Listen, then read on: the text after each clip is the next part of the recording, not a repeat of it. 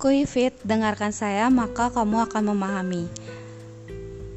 Pertemuan sebelumnya kita sudah membahas mengenai konsep dan tahapan pembentukan kelompok sosial. Nah, di materi kali ini kita akan membahas tentang klasifikasi atau tipe-tipe kelompok sosial. Jadi, klasifikasi kelompok sosial itu ada tiga ya. Yang pertama ini ada kelompok sosial teratur, Lalu yang kedua ada kelompok sosial berdasarkan perilaku kolektif dan yang terakhir ada kelompok sosial berdasarkan tujuannya. Nah, dari tiga klasifikasi tersebut nanti ada jenis-jenisnya lagi bercabang. Nah, sekarang kita membahas dulu yang kelompok sosial teratur. Di kelompok sosial teratur, pada intinya ini adalah kelompok-kelompok yang memiliki interaksi sosial yang intensif dan relatif berlangsung lama. Nah, salah satu berbagai jenis-jenisnya pertama ini ada kelompok primer. Menurut Charles H. Coley, kelompok primer ini adalah kelompok kecil yang anggotanya memiliki hubungan dekat, personal, dan langgeng. Ini contohnya seperti keluarga. Lalu lawan dari kelompok primer ini ada kelompok sekunder yaitu kelompok yang lebih besar, bersifat sementara, dibentuk untuk tujuan tertentu dan hubungan antara anggotanya tidak bersifat pribadi sehingga biasanya tidak langgeng. Nah, misalnya ini kayak tim kesepak e, belasan sepak bola kayak gitu. Kan kita bisa bedakan kan antara keluarga sama yang tim e, sepak bola ya. Kalau keluarga ini pasti hubungannya nih intim ya setiap saat selalu ada gitu 24 jam di rumah. Sedangkan kalau tim kesebelasan sepak bola kan hanya bertemu di jadwal pelatihan-pelatihan atau acara-acara sepak bola tersebut kayak gitu. Lalu yang kedua ini ada kelompok formal dan kelompok informal. Kelompok formal yaitu kelompok yang mempunyai peraturan tegas dan sengaja diciptakan oleh anggota anggotanya untuk mengatur antar sesama Nah, contohnya ini kayak perusahaan, birokrasi, dan negara. Pokoknya dia memiliki struktur uh, yang secara uh, apa namanya? strukturnya jelas gitu, detail, ada di uh, tulisan gitu. Nah, lalu yang kedua ini ada kelompok informal ya, lawan dari kelompok formal. Kalau kelompok informal, kelompok yang tidak mempunyai struktur yang pasti, terbentuk karena pertemuan yang berulang-ulang sehingga terjadi pertemuan kepentingan dan pengalaman. Contohnya itu kayak ikatan kelompok teman terdekat atau perkawanan seperti itu. Jadi itu antara bedanya kelompok formal dengan kelompok informal. Lalu yang ketiga ini ada kelompok referensi dan kelompok membership. Bedanya, kalau di kelompok referensi, kelompok sosial yang menjadi acuan bagi seseorang untuk membentuk kepribadiannya dan perilakunya.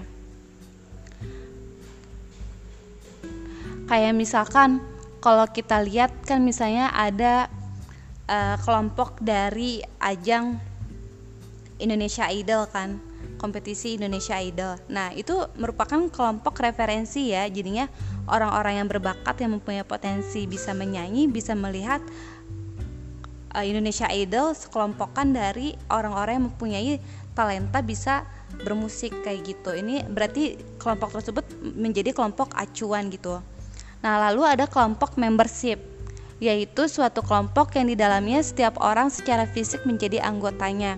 Nah, kalau kelompok membership ini lebih ke uh, kayak kita misalkan kalau misalnya di mall ya, kalau kalian ke outlet kayak misalkan Planet Sport, terus kalau kalian ke outlet kayak misalkan toko-toko baju yang lainnya, pasti ditanyakan mau jadi member nggak? Maksudnya mau jadi uh, satuan anggota grup di situ nggak kayak gitu. Jadinya kita memiliki apa namanya secara fisik ini masuk ke dalam kelompok tersebut. Kayak misalkan ya istilahnya sederhananya kalian masuk di kelompok kelas kalian masing-masing itu juga termasuk ke membership kayak gitu. Kemudian yang terakhir ini kemudian yang keempat ini ada kelompok in group dan kelompok out group ya menurut J.W. Samarner Nah, kelompok in group ini kelompok sosial yang individunya mengidentifikasi dirinya dalam kelompok tersebut. Sifat in group didasarkan pada faktor simpati dan kedekatan dengan anggota kelompok.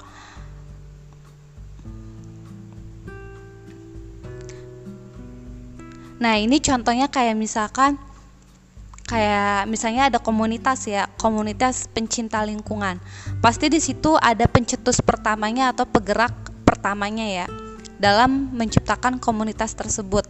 Nah, itu merupakan e, bentuk dari adanya kelompok in group. Jadinya mereka membuat kelompok karena memang ada ada pencetusnya. Terus si pencetus ini memiliki faktor simpati ataupun empati terhadap peka terhadap lingkungan atau e, visi misi yang sama kayak gitu.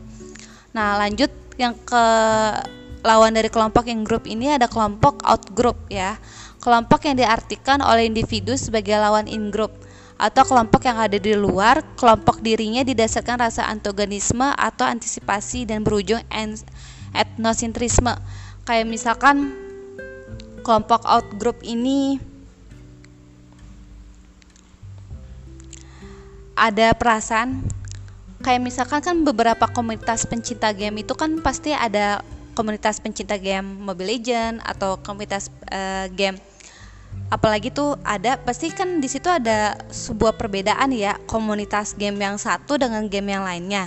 Nah pasti di setiap komunitas game tersebut ada perasaan ah kayaknya komunitas game ini lebih lebih lebih wow loh daripada komunitas game yang satunya lagi. Kayak misalkan uh, komunitas ini aja deh Grab sama Gojek pasti ada per, perbedaan kan maksudnya kalau komunitas Grab uh, basis tongkrongannya di mana. Kalau kelompok komunitas yang Gojek basis tongkrongannya di mana kayak gitu. Pasti kan ada pembeda. Nah pasti di situ juga ada pandangan yang beda dan sehingga membuat uh, sebuah apa ya antisipasi anti antipas antisipasi atau etnosentrisme ya perbedaan kayak gitu. Ya yang terakhir ini ada yang terakhir dari kelompok sosial teratur ini ada kelompok okupasional dengan kelompok volunteer ya. Kalau kelompok okupasional ini kelompok yang muncul karena fungsi kekerabatan, di mana kelompok ini timbul karena anggotanya memiliki pekerjaan yang sejenis. Contohnya kayak kelompok profesi seperti Asosiasi Sarjana Farmasi, Ikatan Dokter Gigi Indonesia, dan bisa paling sederhananya adalah PGRI, PGRI ya, uh, Persatuan Guru Republik Indonesia itu kan semuanya dari uh, profesi kalangan guru kayak gitu itu kelompok operasional. Nah, sedangkan kelompok volunteer ini adalah kelompok orang yang memiliki kepentingan yang sama namun tidak mendapatkan atensi dari masyarakat. Melalui kelompok ini diharapkan akan dapat memenuhi kepentingan anggotanya secara individual tanpa mengganggu kepentingan masyarakat secara umum. Contohnya itu kayak organisasi-organisasi bernafaskan budaya atau agama seperti Front Pembela Islam atau yang biasa kita sebut dengan FPI kayak gitu. Nah itu kelompok sosial teratur ya. Jadi ada lima jenisnya.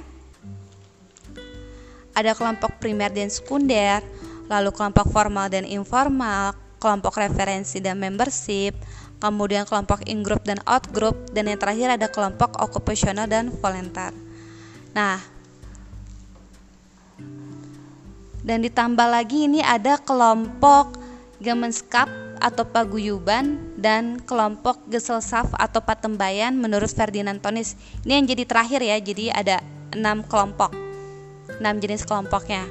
Kalau misalnya kelompok Gemenskap itu atau paguyuban ini, kehidupan bersama anggota masyarakatnya ditandai dengan hubungan batin murni, kekal dan alami. Contohnya itu kayak masyarakat pedesaan ya dan di kelompok paguyuban ini atau Gemenskap ini ada ada ada jenis-jenisnya lagi. Yaitu yang pertama ada Gemenskap by place yaitu berdasarkan tempat tinggal jadi satu wilayah kayak misalkan kelompok e, wilayah daerah Sukabumi kayak gitu. Terus ada yang Gemenskap by blood berdasarkan hubungan darah. Nah ini biasanya e, dari keturunan-keturunan ya kayak misalkan keturunan Batak, terus keturunan Jawa, seperti itu. Nah, yang terakhir ini adalah Gamenscape of Mind berdasarkan pikiran atau ideologi. Yang terakhir ini ada kelompok lawannya paguyuban yaitu kelompok patembayan atau Gesellschaft. Kehidupan bersama dengan masa dengan masa berlangsung cenderung singkat, bersifat public life, artinya hubungan yang terjalin terbuka untuk semua orang. Misalnya ini kayak masyarakat perkotaan ya jadi nggak ada hubungan kekerabatan dan uh, dan lebih ke individualis kayak gitu. Itu di kelompok sosial teratur jadi ada enam ya bukan lima. Yang terakhir ini kelompok Gemeinskap dan kelompok Gesellschaft nah lanjut ke kelompok sosial berdasarkan perilaku kolektif nah kalau klasifikasi kelompok sosial berdasarkan perilaku kolektif ini pada intinya adalah perilaku yang lahir secara spontan dan tidak terorganisir sebelumnya yang pertama ini ada kerumunan atau crowds Kelompok sosial yang ditandai dengan berkumpulnya orang-orang, tetapi hanya sebatas fisik tanpa terorganisir dengan jelas. Jenis-jenisnya itu yang pertama adalah kerumunan yang berartikulasi dengan struktur sosial, mempunyai pusat perhatian dan persamaan tujuan, kayak misalkan kalayak penonton ya. Kemudian kerumunan yang bersifat sementara atau casual crowds. Nah, ini Contohnya ada contohnya ada lagi kumpulan yang kurang menyenangkan, contohnya kerumunan orang mengantri tiket. Itu kan pasti kita menunggu tiket kan. Terus kerumunan uh, kita ngantri jalur busway kayak gitu juga. Nah, terus yang kedua ada kerumunan orang yang sedang keadaan panik. Contohnya itu kayak kumpulan korban bencana alam. Lalu yang ketiga ada kerumunan penonton. Kerumunan orang yang ingin melihat kejadian tertentu. Contoh kerumunan penonton. Itu kayak misalkan uh, kayak kita uh, di jalan kan suka ada kecelakaan kita lebih uh, kita lebih banyak nggak membantunya tapi lebih banyak lebih suka nontonin kan itu masuk ke kerumunan penonton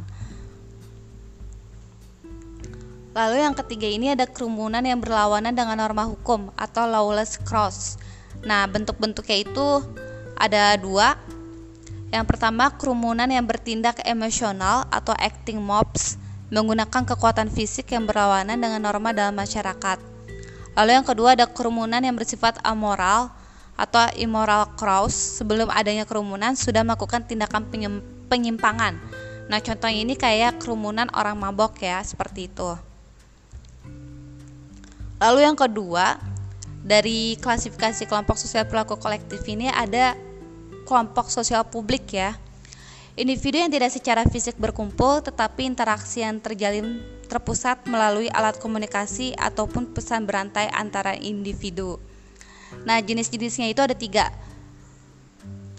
Pertama, kelompok face interest merupakan sekelompok orang yang memiliki kedudukan dalam masyarakat dan memiliki keinginan untuk mempertahankan kedudukan yang sudah ada.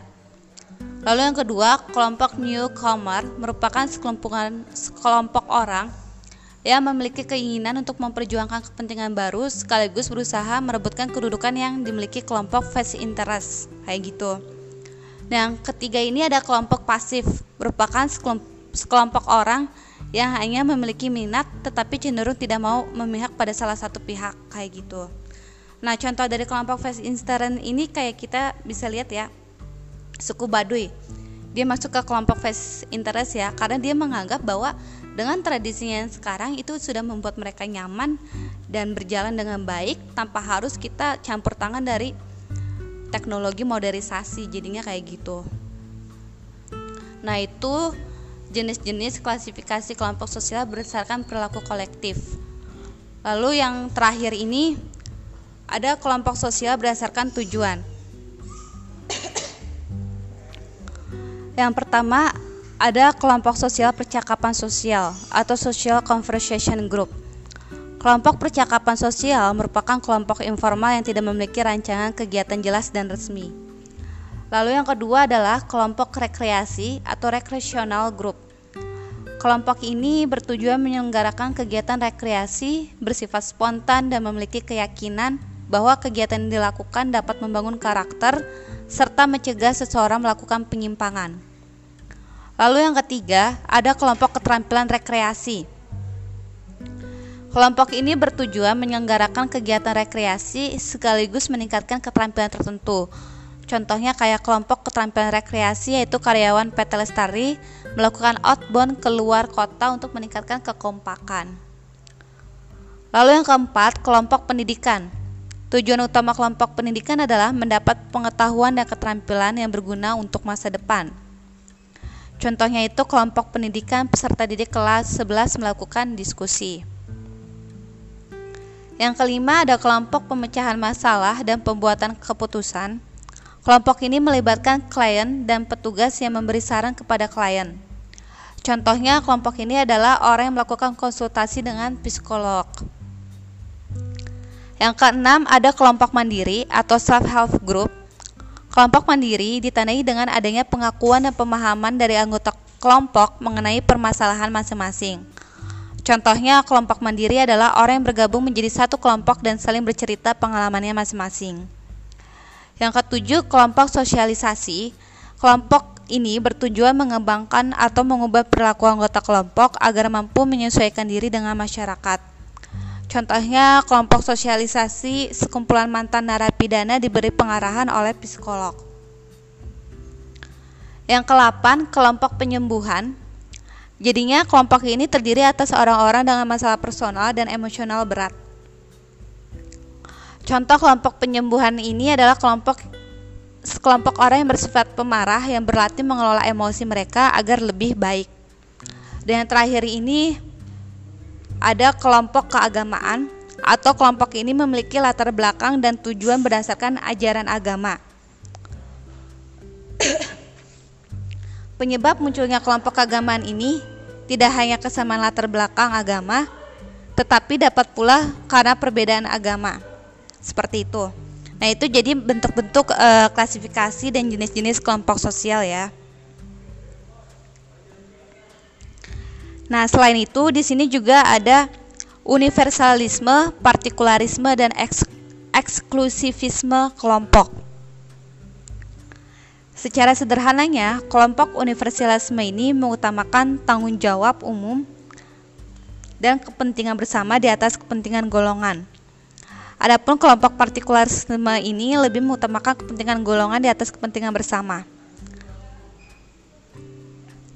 Lalu ada kelompok partikularisme dapat ditemukan pada kelompok-kelompok informal dan non-formal yang memiliki kesamaan ikatan atau latar belakang.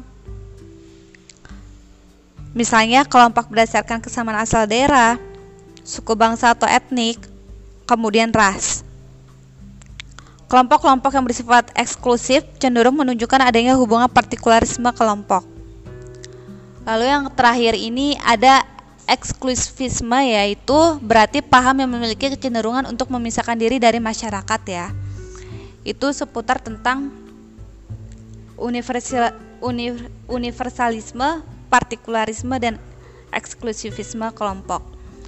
Nah, nanti selanjutnya kita akan membahas mengenai bab selanjutnya ya. Dengarkan saya maka kamu akan memahami.